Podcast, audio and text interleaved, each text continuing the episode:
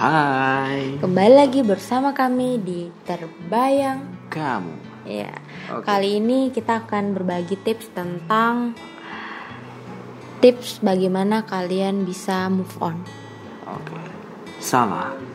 Salah, salah, salah. Tapi hari ini kita akan bahas tiga tips ampuh. Ini ampuh, ini ampuh.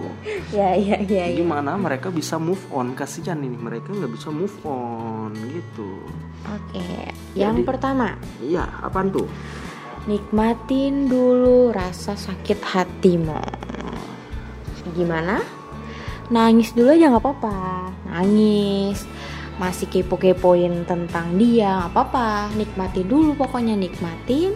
Terus abis itu udah bener-bener bosan, nikmatin rasa sakitnya nanti baru deh buka lembaran baru. Oh, gitu. Gitu.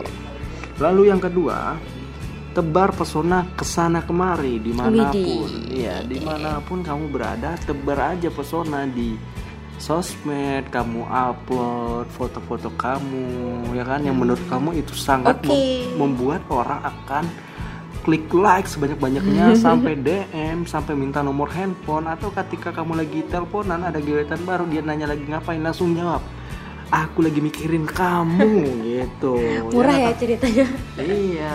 Jangan lama-lama karena kamu harus move on tebar pesona ke sana Ya kemari. lalu yang ketiga. gak sedih-sedih terus ya. Terus yang ketiga ada jangan pernah bandingin orang yang baru ini nanti yang mau deketin sama yang dulu-dulu. hmm, maksudnya? Karena ya karena itu nggak akan bagus. hmm, karena setiap orang nggak ada yang sama ya. Benar.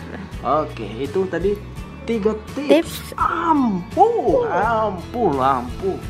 Untuk move on buat kalian-kalian yang masih sampai sekarang belum bisa Move on. move on. Untuk membasmi yang dulu-dulu. Oke. Push, push, push. Dadah.